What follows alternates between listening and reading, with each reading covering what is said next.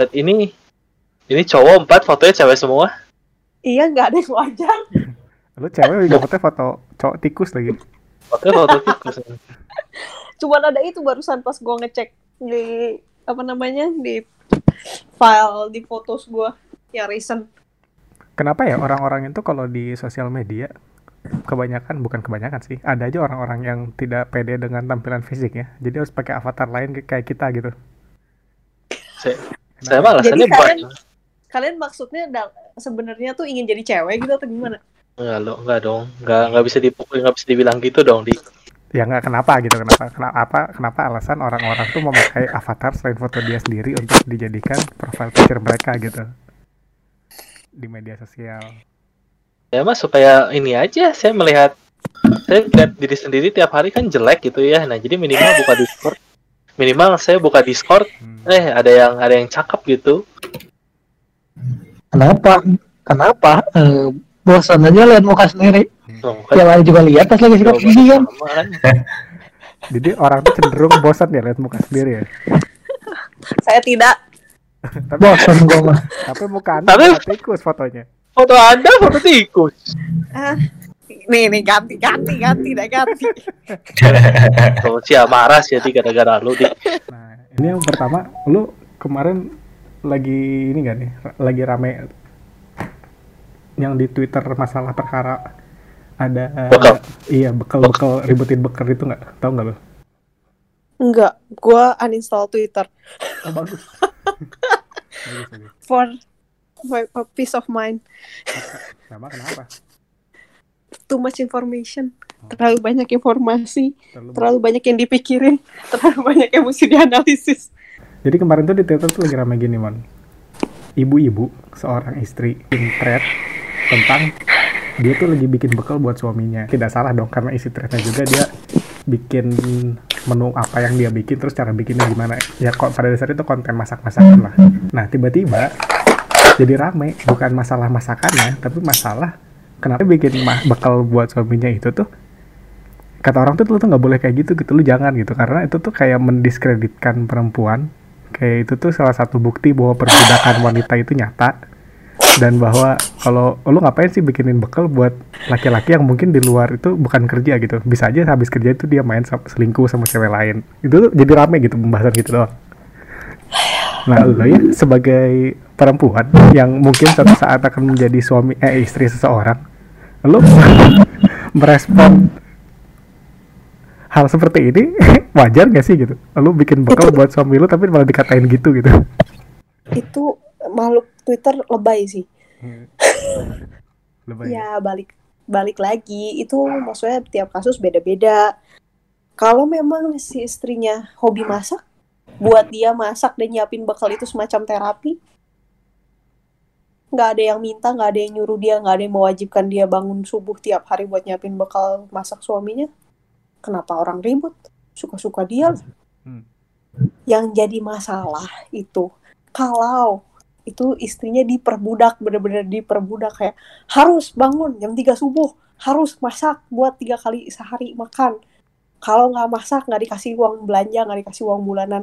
Itu baru perbudakan tapi kalau misalnya emang dia itu housewife doang gitu emang dia memang nggak nggak ada pekerjaan secara profesional gitu. Nah, itu masih termasuk konten eh, termasuk konten lagi termasuk pemaksaan juga ya. Kayak maksudnya kan itu kayak di kayak request gitu jatuhnya kan. Again discussion yang diperlukan tuh diskusi. Hmm. kayak mau ngomongnya misalnya nih ya kayak yang paling nyata adalah emak bapak gua. Mau Mau bapak ibunda itu adalah ibu rumah tangga tok tidak bekerja tidak punya sampingan apa pun. Ayahanda saja yang bekerja. Tapi kalau memang misalnya ada kegiatan di luar atau apa dan jadi nggak sempat masak atau nggak sempat nyuci ya nggak perlu ngomel-ngomel nggak perlu marah-marah. Nyuci bisa di laundry Hmm. masak bisa beli. Again dis- itu mah diskusi aja antara duaan.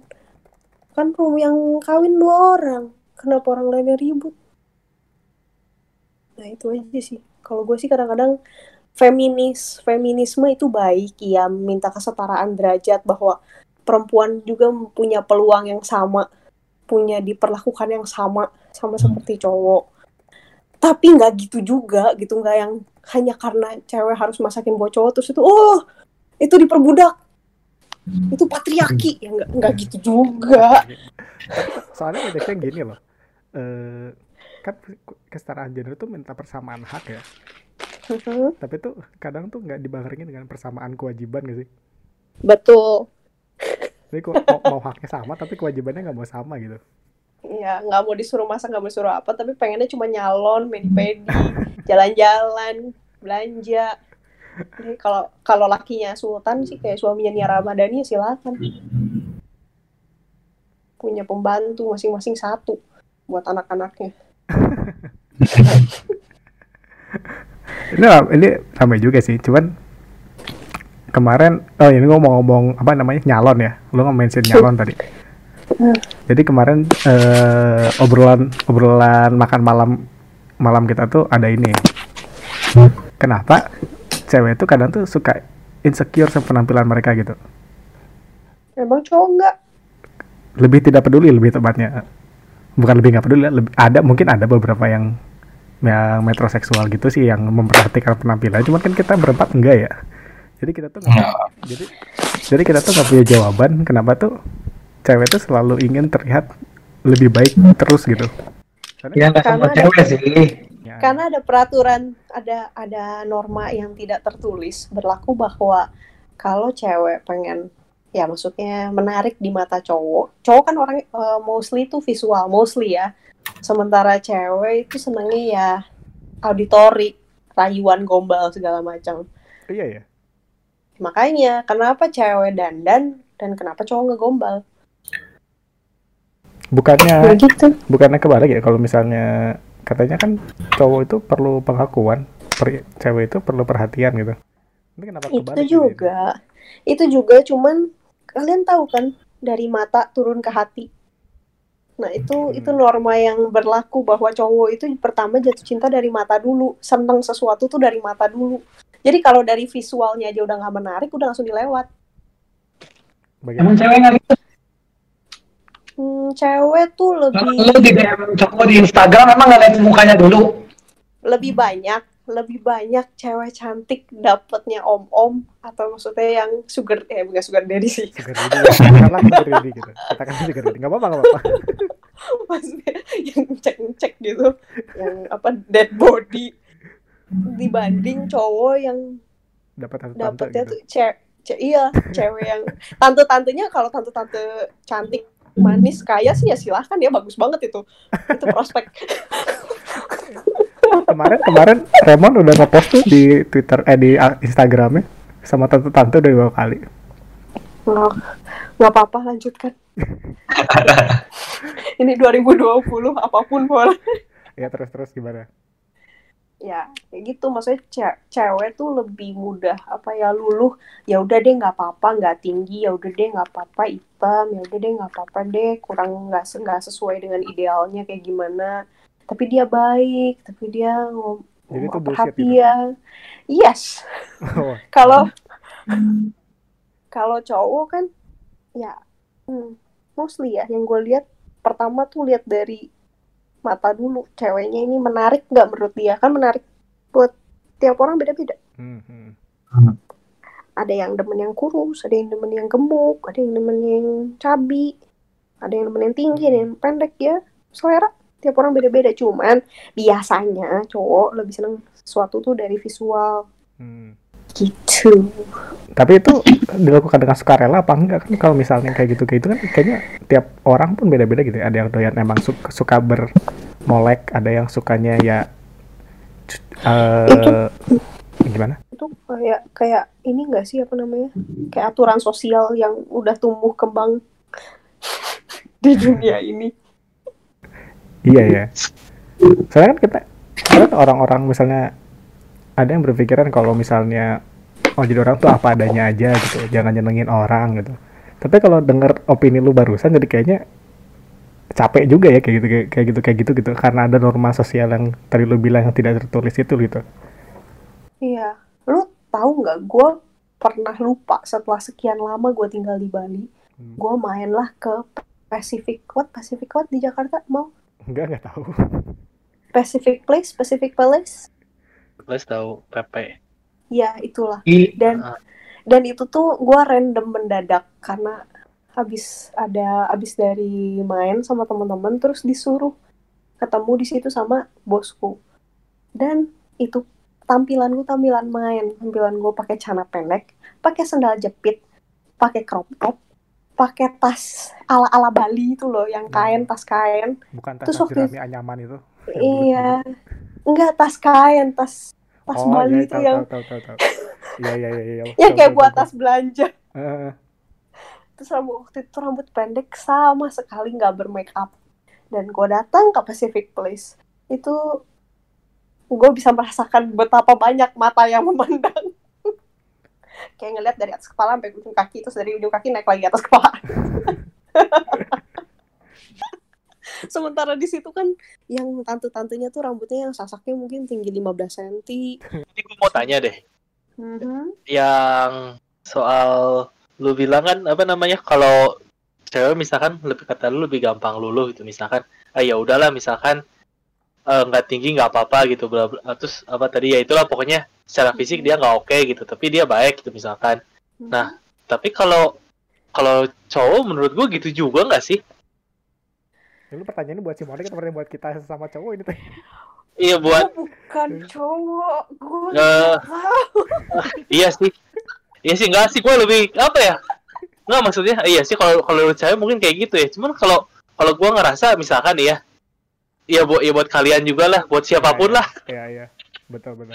misalkan kalian kan punya punya sosok ideal lah siapa gitu. Iya Hmm. iya di foto kalian saja sudah tidak susah susah kan tapi kan dong. ya, tapi kan Iya.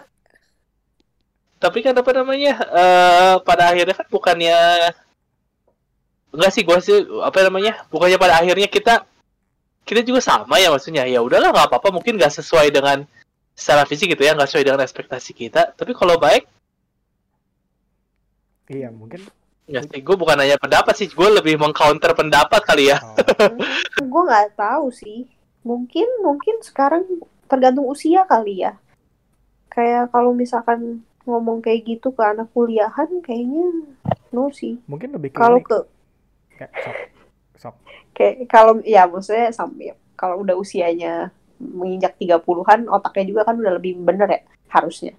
Kayak udah lebih mikir bahwa it's not all about looks. Udah lebih nggak milih-milih ya.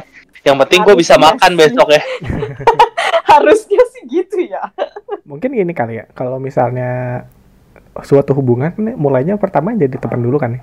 Nah, Mhm. Iya. lu, lu memulai teman itu kan kalau misalnya lu tujuannya mencari teman doang, lu biasanya kan nggak milih-milih gitu. Mau siapa pun dia, asal dianya orangnya baik gitu. Dan bisa diajak bergaul sih, pasti lu teman-temanin aja.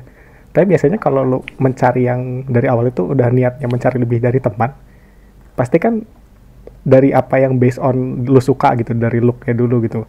Mungkin kayaknya gitu deh. Jadi either eh, lu akan terima dia apa adanya atau ya seenggaknya kalau lu dapat dapat lu dapat apa yang lu mau gitu sesuai kriteria lu gitu soalnya gima- gimana ya ngomongnya ya? gue sih tidak belum pernah lu coba deh si Apin sama si Monik nih yang pernah yang pernah berpa, hubungan ya dan nggak tahu nih David juga pernah atau enggak gue nggak tahu yang jelas gue sama Raymond belum gitu yang jelas sih gue sama Raymond sih belum. cuman dari menurut dulu waktu lu waktu dulu lu pada punya pacar tuh lu lihat dulunya awalnya tuh dari look dulu apa enggak gitu ketertarikan awalnya gitu Kalau gua apa ya? Kalau gua waktu itu gua sih pacaran dulu awalnya nggak dari look dulu sih. Maksudnya awalnya gara-gara temen doang. Teman-teman temen eh dekat dekat Jadi ya dekat? udah. Iya jadi dekat. Jadi eh, nggak ada ya nggak dari look dulu sih kalau gua. Cuma ya gara-gara awalnya dari temen sih temen ngobrol ngobrol nyaman ya ya udah jadi gitu. itu awalnya emang rekan gitu bukan emang lu sengaja lu deketin Enggak, enggak. Jadi Awalnya justru pacar rekan. gitu. Iya, bukan yang dari awal udah berniat untuk macarin gitu. Kalau mungkin kalau berniat untuk macarin nggak akan dapet yang itu gitu. Nah itu ngomong Nah itu mon, mon itu contoh counter pendapat lo yang tadi. gue soalnya gue soalnya pernah ngalamin dua-duanya. Jadi kalau sama yang sama yang pertama sih itu juga jatuhnya kayak gitu. Karena temen sering satu kelas kuliah apa segala macam. Sering ketemu sering main game bareng. Bolos bareng apa segala macam lah. Jadinya ya udah karena sering ketemu nyaman. Nggak pernah Jadi. Nggak pernah ada kata jadian sih itu sebenarnya tapi jalan dua tahun gitu lah kayak nggak Nah. tapi nggak pernah bener jadian Itu Ah, jadi HTS ya. tuh kalau ditanya itu. Bukan tanpa Bingung status lah itu. sih. Iya. Iya, tapi tiap hari antar jemput. Tapi dia ada ngungkapin nggak si cowoknya gitu? Enggak, tapi udah kayak dia memperlakukan gue seperti pacarnya. Oh, tapi berarti tulis ya. berarti kayak nggak nggak apa nggak legal ya jadiannya. Nggak legal. Nah, cuma ya yang kedua tuh kedua tuh ya di tengah-tengah lagi begitu ada yang uh, udah gitu nggak ketemu-ketemu lagi sekitar beberapa bulan terus ada yang benar-benar ngejar. Jujur aja yang kedua karena kasihan.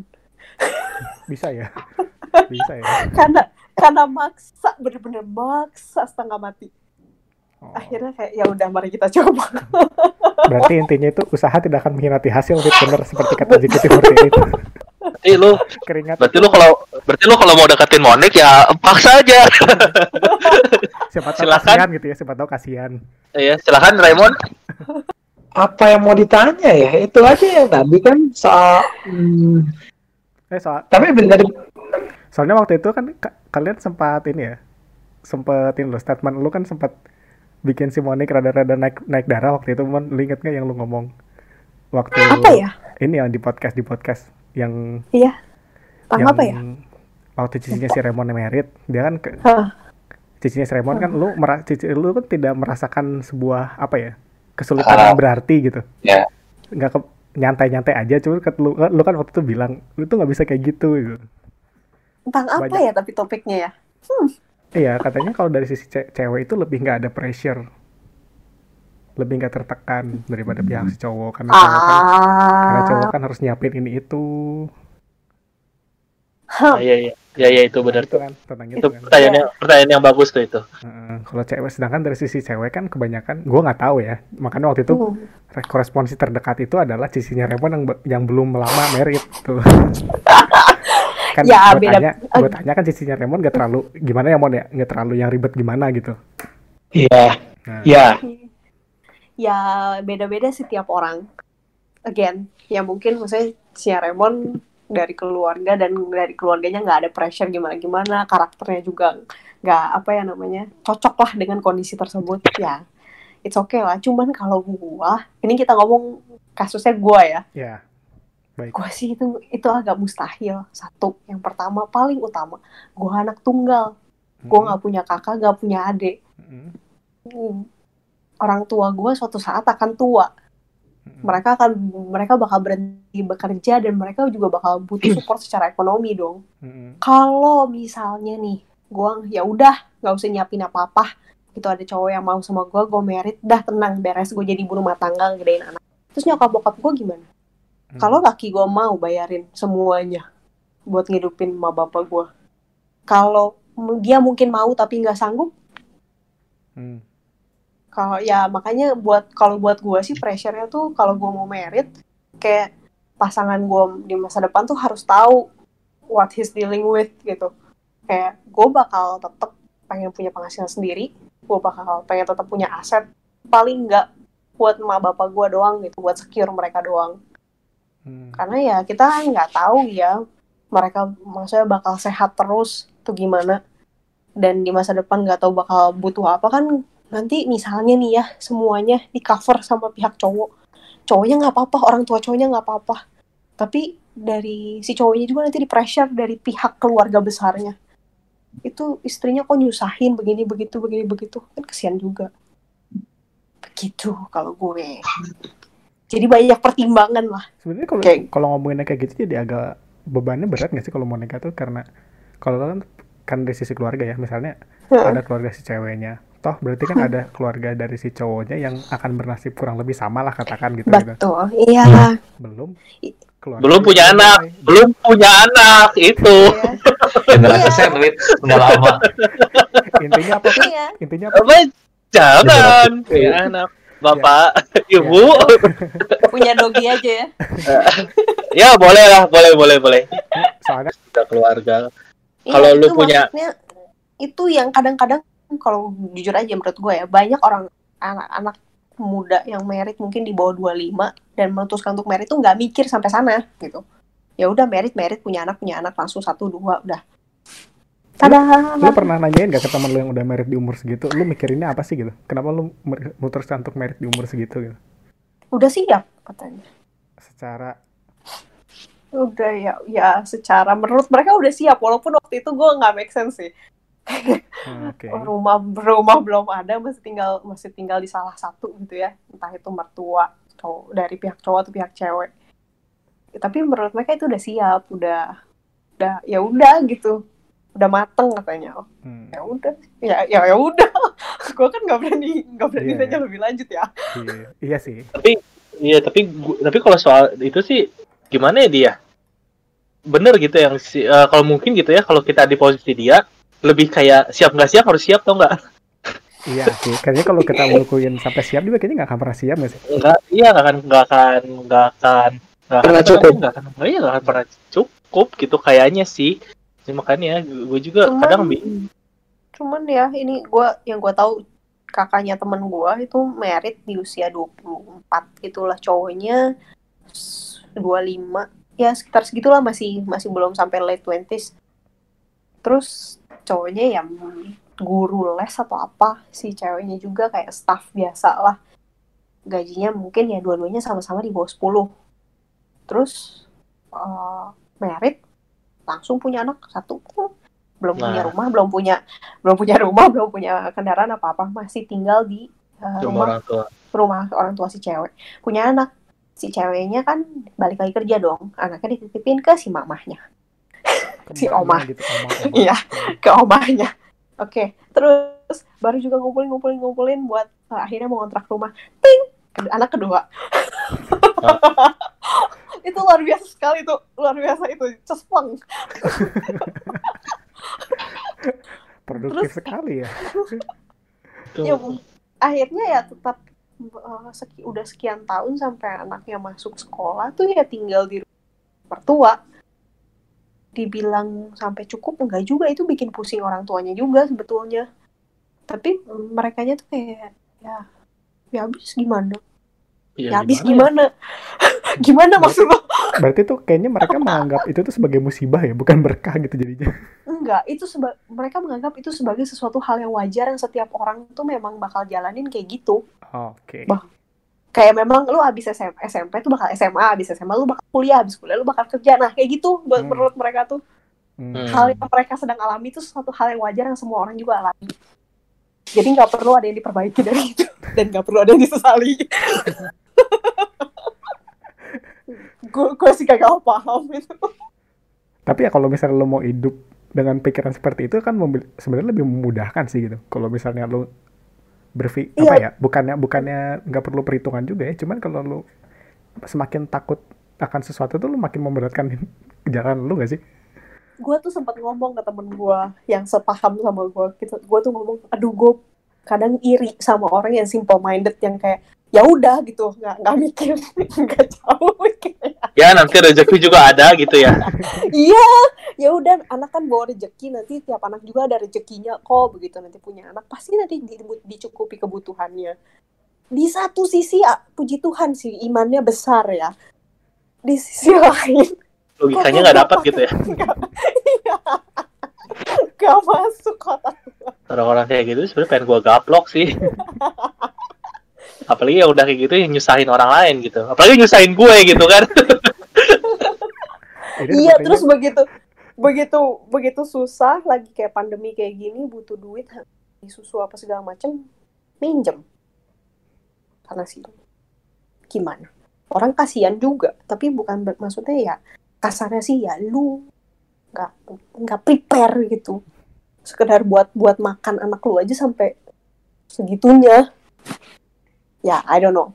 I don't know. Gue nggak gue tidak merasa cukup berpengetahuan dan berat untuk mengkritik lebih jauh. Iya sih. Kita kita beropini di sini jadi nggak bener nggak salah. Aman aman aman. Ya, ya, aman begitu. Gitu. Bukan berarti gue juga kayak harus punya 2 m dulu baru gue mau merit nggak gitu sih. Tapi Kalau- maksudnya dari awal di, udah di udah dipikirin udah dirundingkan. Hmm. Buat merit sih sebenarnya nggak perlu 2 m sih menurut gua sih. 20 lu nabung. Nggak nggak nggak perlu nggak perlu nggak perlu beneran. Normalisasikan menikah tanpa resepsi. Nice. Normalisasi, normalisasikan menikah tanpa resepsi ya. iya. It's nice kok. seben- Iya, waktu itu udah gua retweet itu. Oh, Normalisasikan menikah tanpa resepsi. resepsi.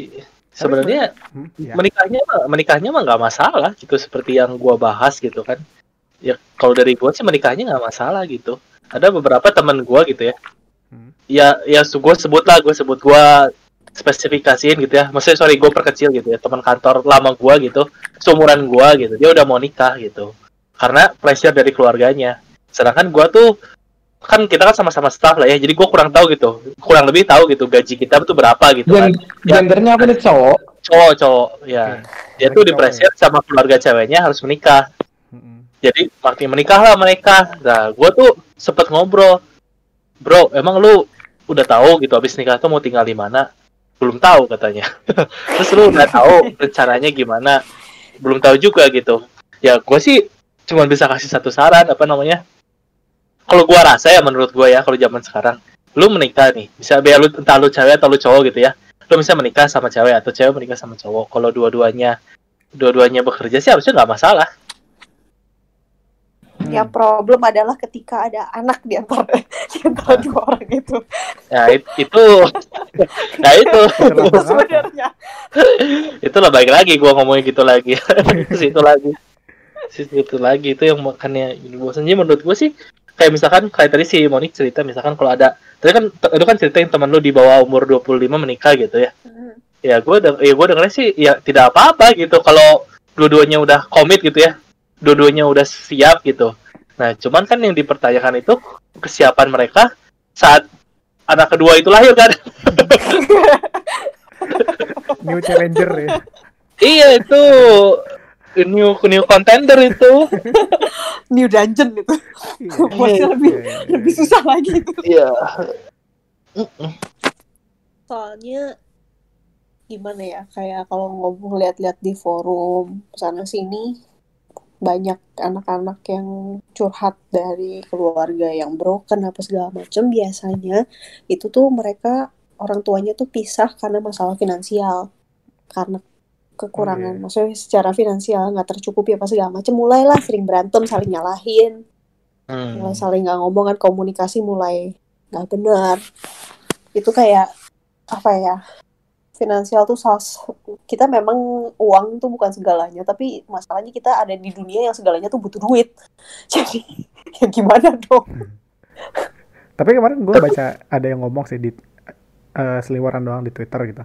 Lu tuh harusnya ket- dia tuh ngomong nge-tweet simpel doang deh. Lu tuh Hmm. harusnya bersyukur ketika masalah lu cuman uang, uang doang gitu. Kalau Iya, masalah lu tapi- cuman uang doang tuh lu harusnya bersyukur karena lu nggak punya masalah lebih kompleks gitu. Tapi ya kayaknya sekarang masalah apa sih yang nggak dimulai dengan uang gitu. betul. Sekarang banyak masalah-masalah kayak masalah kejiwaan aja startnya dari mana? Karena nggak punya duit nggak punya duit terus stres stres anxiety terus depresi. Ya udah deh lanjut dah. Terus yang yang stres stres ini merit lagi sama yang juga stres. Sama-sama stres. Dua kali dua empat. Dah udah stresnya. Bukan dua tambah dua lagi ya. Ya, sama aja sih dua tambah dua sama dua kali dua. kalau kalau level stresnya dua kalau yang satunya stresnya tiga kalau yang satunya empat jadi delapan bro Ya, betul juga. kayaknya jadi nah nanti yang jadi korban tuh siapa anak balik lagi kan apa Hmm. itu aja, lu aja pit itu pit. Gua masih belum, gua masih belum pikir sejauh itu. Yang step awal depannya juga belum belum nyangkut di gua soalnya. Tapi tapi kan tapi kan kalau menurut gua gitu lu harus harus diomongin Iya, iya. dulu iya nggak Iya. sih Ini Iya. misalkan nih gua gua gua tanya si Apin deh Apin dari tadi Mhm. dari tadi menyimak nih Pin kalau misalkan ada cewek nih yang seperti di foto Discord Anda gitu Hmm. se- Ah. tampilannya nah dia bilang mau sama lu gitu mau nikah Hmm. sama lu tapi dia ngomong sama lu gue mah nggak mau punya anak gitu lu masih mau gak sama dia gue pikirin dulu lah. Nah itu dia. Itu dia kan? Berarti pengen punya ya? Kenapa? Nggak- Iya, soalnya apa punya, apa pengen sendiri, punya. Hmm. kalau gue sih nggak tahu ya gue gue justru kayak waktu pernah gue dibahas di podcast juga kayaknya Hmm. bukan sebuah kewajiban gak sih untuk lu punya anak gitu? Walaupun memang mandat walaupun mandatnya itu kan penuhilah bumi ya. Udah Hmm. penuh udah penuh. Udah penuh ya. Udah Eh, udah udah penuh tuh lihat stasiun Bogor deh kalau pagi-pagi. Kalau lu nggak percaya. Sampai dua setengah jam delay. Ya. aduh. Eh, cuman apa ya kayaknya ya apa salahnya kalau lu emang Mencoba. ingin menikmati hidup berdua gitu? Hmm. gimana yang Inti- salahnya gitu? intinya sih dua-duanya mesti komit mesti jawab bukan cuma nafsu dan sekedar apa ya bucin sesaat Hmm. kalau emang merit dan memutuskan untuk uh, apa namanya punya anak ya dua-duanya mesti komit Gak boleh anak itu jadi tempat pelampiasan karena stres Hmm, apa namanya kurang duit lah stres kerja lah stres mereka secara komunikasi nggak jalan Hmm. intinya sih dua-duanya mesti jadi asa mesti jadi adults jangan cah kumpul bocah semuanya Iya, gue tuh mau nanya gini sih, Monik. Si misalkan nih ya lu nikah sama seseorang, tapi itu mengharuskan lu untuk terus bekerja. Berarti lu nggak keberatan dong? I don't know sih. Gue gue nggak masalah ya. Maksud gue terus kerja kah? Atau misalnya gue jadi ibu rumah tangga pun gue nggak masalah tapi yang gue permasalahan adalah tolong tanya opini gue dulu. Diskusi sama gue jangan kayak kalau lu sama kerja ya udah itu udah kayak harga mati udah gue gak akan mau sama dia